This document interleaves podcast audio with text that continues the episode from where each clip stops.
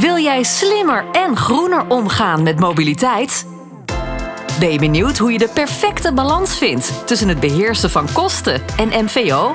En kun je daar wel wat praktische tips en tricks bij gebruiken?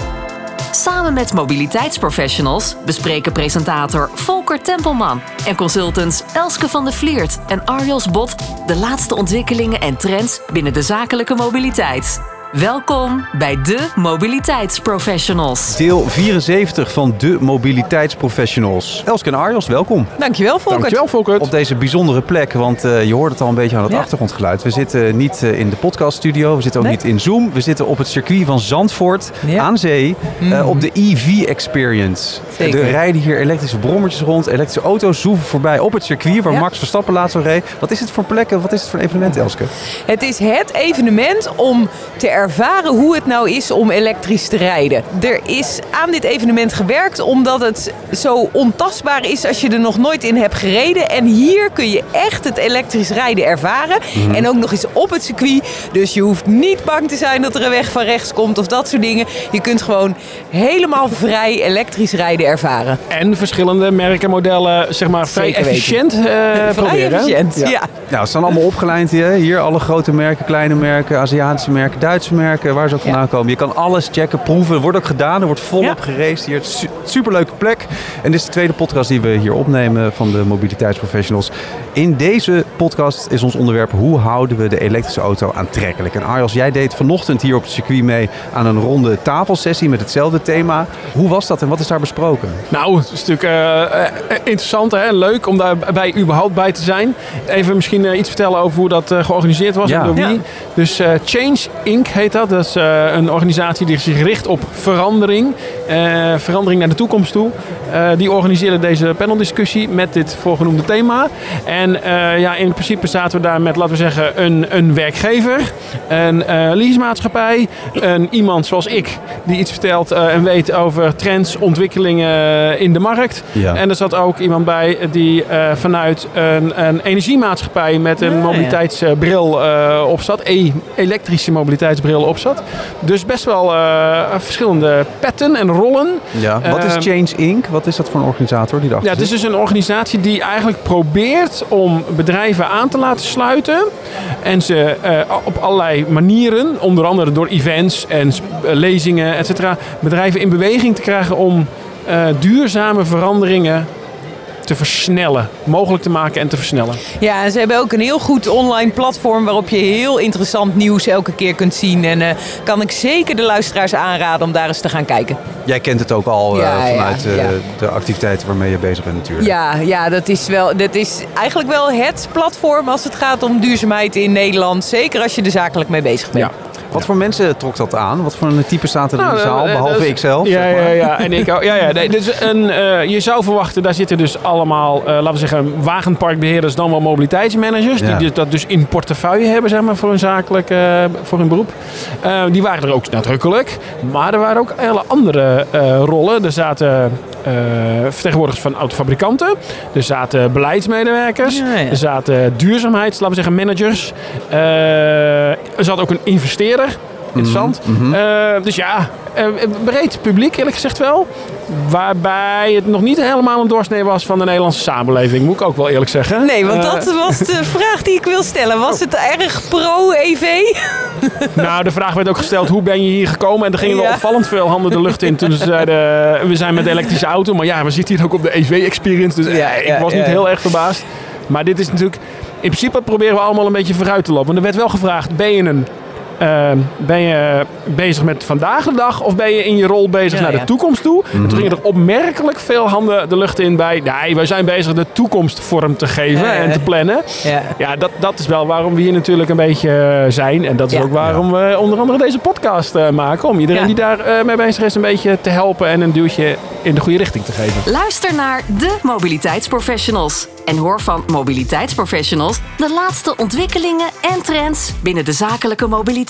En hoe ziet die toekomst er dan uit? Wat voor beelden werden er geschetst? Nou, Nou, eh, Vooral de- ook ja. van die energieleverancier, want Ja. dat, daar zie ik... Ja, ja, eh. Ehm, nou, de- één, de, de opzet was zo dat we eigenlijk eerst gingen inzoomen op wat Ja? gaat er eigenlijk niet zo goed. Waarom is elektrisch ja. rijden niet meer zo of minder aantrekkelijk? En daarna gingen we naar waarom wel en oplossingen, et cetera.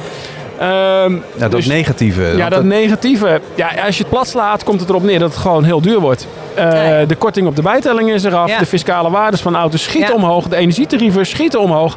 Eh, de toekomst is onzeker. Er komt wegenbelasting voor elektrische auto's. Wie weet hoeveel en, Ja. en in welke mate. Dus daar zit... Ik wou zeggen angst, maar het is meer onduidelijkheid, onzekerheid. En het raakt mensen in de portemonnee. En je ziet dus dat er nu mensen zijn, bereiders, ik maak een keuze en die zeggen: ho, ho. Ik heb elektrisch gereden, is me prima bevallen. Ja. Maar als ik nu terug ga naar benzine, kost het me, laten we zeggen, 100 euro minder in de maand aan bijtelling. Of Ja. net eronder aan de streep. Ja. Ik ga weer lekker naar benzine. Ja.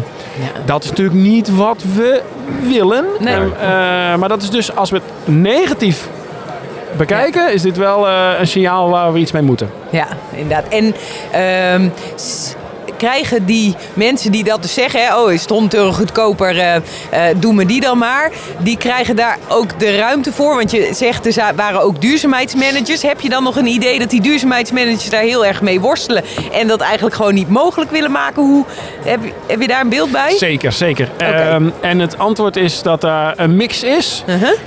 Even iets eh, getypeerd, zeg maar. Maar de grote corporates, Ja. die hebben beleid en die zeggen het is elektrisch. En u kunt wel zeggen ik wil benzine, maar dan helaas, het gaat niet gebeuren. Ja, inderdaad. Kort door de bocht, maar daar komt het Ja. wel op neer. Ja. Ga je iets meer gechargeerd naar, laten we zeggen, midden-kleinbedrijf. Ja, mhm. Waar die ook strijden in de on talent. En die Ja. al blij zijn dat de medewerker überhaupt bij hen eh, wil werken. Ja. Dan heb je meer kans als je als medewerker zegt, beste baas, doe Ja, mij nu maar een benzineauto. Dat hij dan zegt, oh, oh oké, wil je dat? Prima, doen we dat. Ja. Dat is, nogmaals, kun je niet op ieder bedrijf zo neerleggen. Maar dat is wel wat je ziet. Dus dat is eigenlijk nog een, een strijd die gaande is. Ja. Eh, en wat we daaraan kunnen doen, daar kom ik zo meteen nog even op. Hè? Oké. Ja, dat werd ook bevestigd door de cijfers, toch? Eh, bij de corporates eh, gaan ze, blijven de, stij- de, de Ja. cijfers stijgen. En bij de MKB'ers is het afgevlakt niet minder, maar... Oh eh, ja. ja. Ja, dus de stijging gaat, Ja. of de, de groei moet ik misschien zeggen, Ja. in de het deel elektrische auto's die van de nieuw ingezette auto's is, er is groei in het midden- eh, en kleinbedrijf, maar er is een veel grotere groei die duidelijk doorzet bij de grote corporates. Ja, ja, Ja. ja, Oké. check. Ja, welke uitdagingen werden er aangestipt, uh, Arjels, daar? Eh, welke uitdagingen zijn er rondom de, de elektrische auto? En ik, kan het misschien dat onderverdelen in een aantal... Nou, dus de uitdagingen zijn ook eh, levertijden. Maar dat is niet alleen maar elektrische auto's. Hè. Dat is zelfs met fietsen. Het is met alles. Probeer maar eens eh, een product te krijgen. Dus. Ja. levertijden in zijn algemeenheid is een probleem. Eh, onzekerheid in kosten en wet en regelgeving is een probleem. Ehm, aan de andere kant, hè, als we het nu eens gaan proberen naar positief te draaien. Ja. En Mensen zijn er allemaal over eens dat een elektrische auto aan zich, hij is comfortabel, stil, snel. Ja. eh, allemaal pluspunten. Eh, dus daar ligt het zeg maar niet aan. Nee. Ehm, Ja, ook dat, dat het- werd er ook gezegd. Hè? Mensen Ja. vinden het gewoon relaxed om in een mooie Ja. auto. Ja. Ze zijn allemaal mooi natuurlijk, Ja. die nieuwe elektrische auto's, om daarin te rijden. Het is lekker stil. Niet te veel trillingen, zei Ja. een meneer Ja, ook nog. ja. Eh, Dat wordt allemaal als positief Ja. ervaren. wordt allemaal als positief ervaren. En wat natuurlijk ook, en dat zie je hier vandaag ook, Ja. het aanbod wordt, nou ja, Ja. soms per dag, maar laten we zeggen, iedere maand zijn er nieuwe merken, modellen. eh, dus het aanbod wordt veel breder en groter. Ook super eh, belangrijk. Ook aan de onderkant. Ook aan en- de onderkant. en dat is nodig. Eh, ik was eerlijk gezegd gisteren bij Polestar. Eh, kreeg ik ook aan de even onderkant. eh, te zien wat zij aan eh, modellen de komende twee, drie jaar gaan introduceren. Ik kan je vertellen, dat is vooral naar de bovenkant toe. maar het is zo dat hè, ook volume modellen, het komt eraan, zeker. Ja. Wat je ook wel ziet is dat eigenlijk het aanbod en de intake en, en, en ook het wegzetten van elektrische auto's op dit moment harder gaan dan de laadinfra. Dus we hebben echt een hele goede laadinfra. Zeker als je dat vergelijkt met de landen om ons heen. Ja, ja.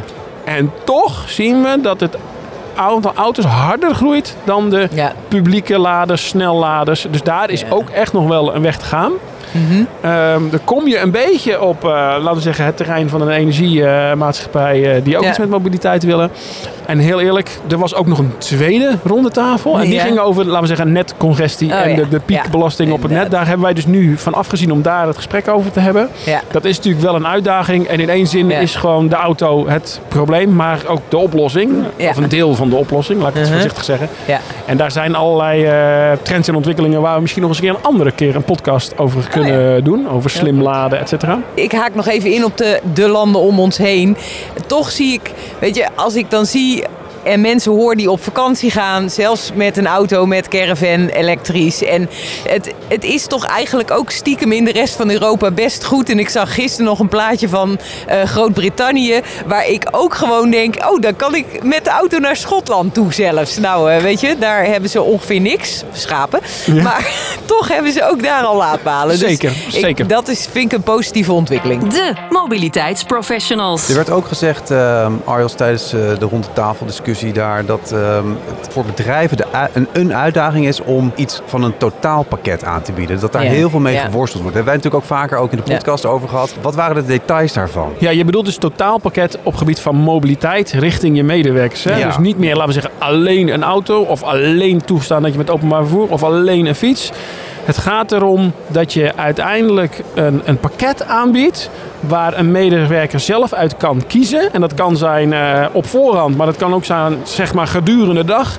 Wat is mijn mobiliteitsbehoefte en hoe ga ik die invullen? Ja. En kun je dat op een makkelijke manier met de juiste user experience eh, faciliteren? En dat Nou, blijkt lastig, Dat hè? is, daar Dat zijn, is- daar wordt hard aan gewerkt door verschillende partijen in de, in de markt. En iedereen heeft deeloplossingen en iedereen heeft zijn eigen belangen. Daar is nog niet zeg maar, het, het, het ei van Columbus of het, het gouden ei. Dat is er nog niet.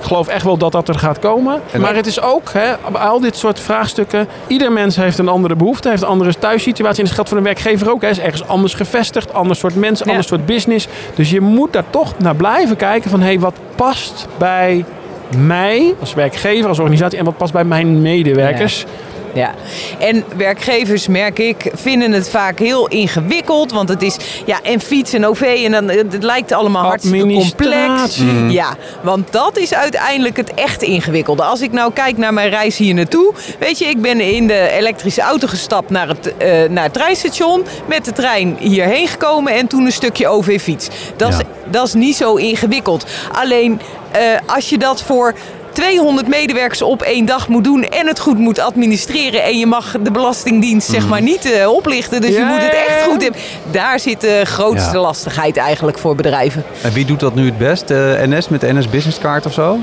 En de Green Wheels en de, Nou, dat de, is in, de scooters? Dat is allemaal heel makkelijk, maar het hangt ook gewoon af van je eh salarisadministratiesysteem wat je hebt, hoe goed je het kunt En welke verwerken. app je hebt, want er zijn Ja. meer aanbieders. Dus de- Inderdaad. dus er, zijn, eh, er zijn echt wel meer aanbieders in de markt. Dus kijk wat er bij je past. Ja. Ja. En wat, eh, Maar ja, want ik, ik denk ook, probeer in ieder geval te denken vanuit de luisteraar. Misschien ben je wel die ondernemer en eh, Mhm. moet je, wil en moet je hier wat mee? Eh, ja, Ja. waar moet je het zoeken?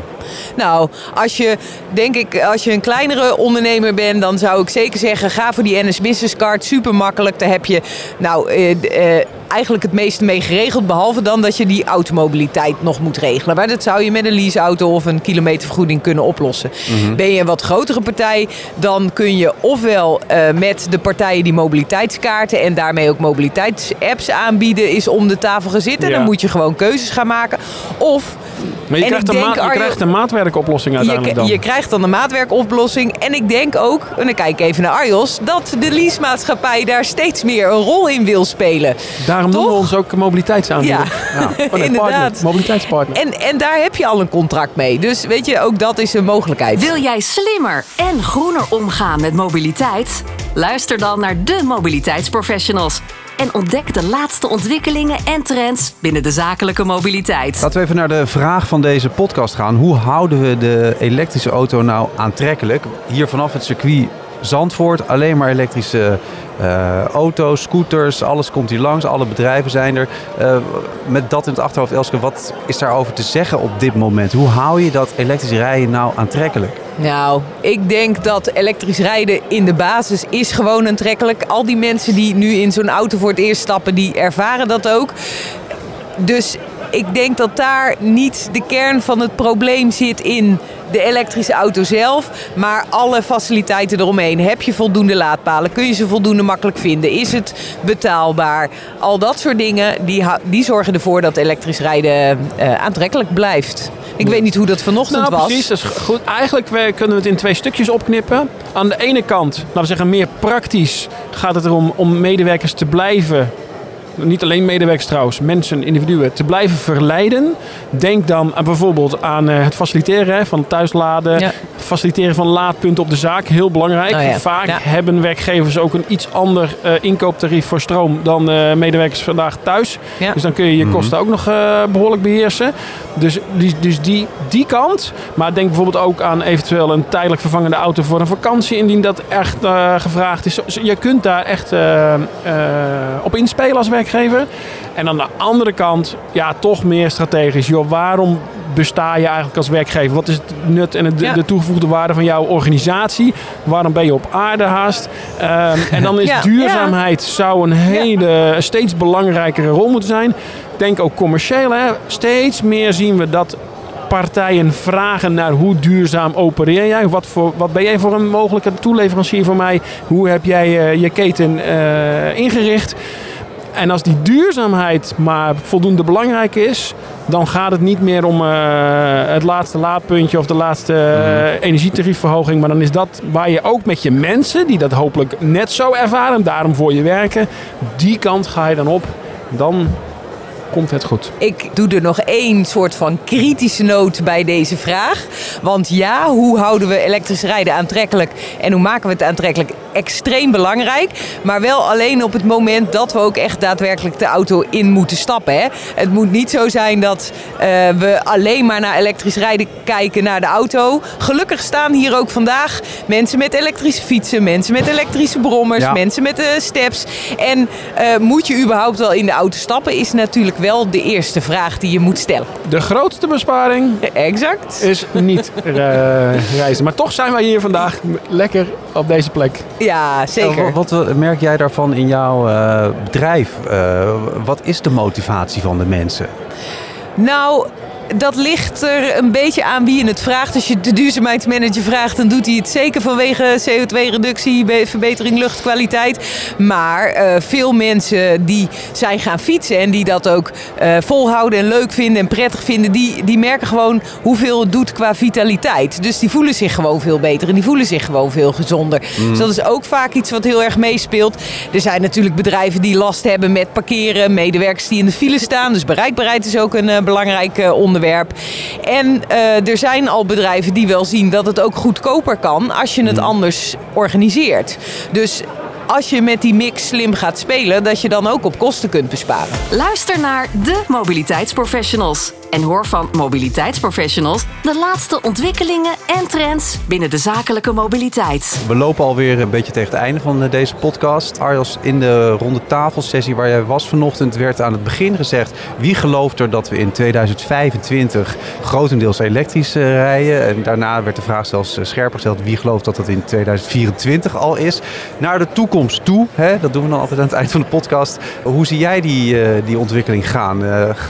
ja, gaan we zo ik zou zelfs zeggen dat de vraag gesteld werd: wie gelooft dat in 2025 iedere zakelijke of leaseauto uh, verplicht elektrisch is? Ja. Nul emissie. Ja, daar krijg je bij mij de handen nog niet voor op elkaar. Sowieso verplicht uh, op deze termijn, dat zie ik nog niet helemaal gebeuren. Iets met vraag en aanbod en uh, beschikbaarheid. ik, zie daar, ik zie eerlijk gezegd wel wat beren op de weg dan.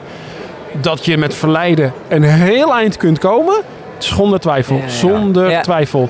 Maar ik blijf er ook bij. Op vandaag de dag is een elektrische auto nog niet voor iedereen de oplossing. Elske, hoe denk jij daarover? Nou, daar sluit ik me wel bij Arjels aan. Ik bedoel, uh, dat is wel gewoon de feitelijke situatie op dit moment. En daar moeten we ook mee dealen. En daar moet je dus ook over nadenken het gaat erom, heb ik nou een plan, zeg maar. Weet ik, zie ik het licht aan het eind van de tunnel? Dat is veel belangrijker dan dat we paniekerig gaan doen en iedereen ineens in een elektrische auto duwen. Ja, dat is dan ook wel het mooie om de luisteraar mee te geven. Ja, ik moet nog even mezelf aanvullen, zeker Ja? half corrigeren. Als ik zeg dat het nog niet voor iedereen de oplossing is, een elektrische auto, dan heb ik het met name over de privésituatie. Hè? Ja, ja. Zakelijk gezien Ja, ja. kun je met een elektrische auto eh, echt heel Nederland door zonder enig probleem en kun je laden als het moet. Dat, dat- dat- zakelijk zie ik voor personenauto's geen problemen. Helder. Dat het dus Ja. voor het privégebruik soms een beetje anders is. Hey. Oké. Dit was deel 74 van de Mobiliteitsprofessionals. We namen de podcast op vanaf eh, de EV Experience op het circuit van Zandvoort. Ons onderwerp was hoe houden we de elektrische auto aantrekkelijk. We blijven graag met jullie luisteraars in contact zoals altijd. Laat dus van je horen, bijvoorbeeld op eh, LinkedIn. Tag ons in je bericht en dan kunnen we de discussie en het gesprek online eh, verder voeren. Elske, waar en hoe ben jij te bereiken?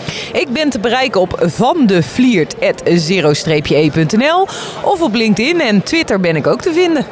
Helder verhaal. Arjos, hoe eh, kunnen we jou eh, bereiken? Uiteraard op mijn eigen naam eh, op LinkedIn en via arios.bot.arval.nl. En ja, ook ik kijk uit naar jullie reacties. Laat van je horen.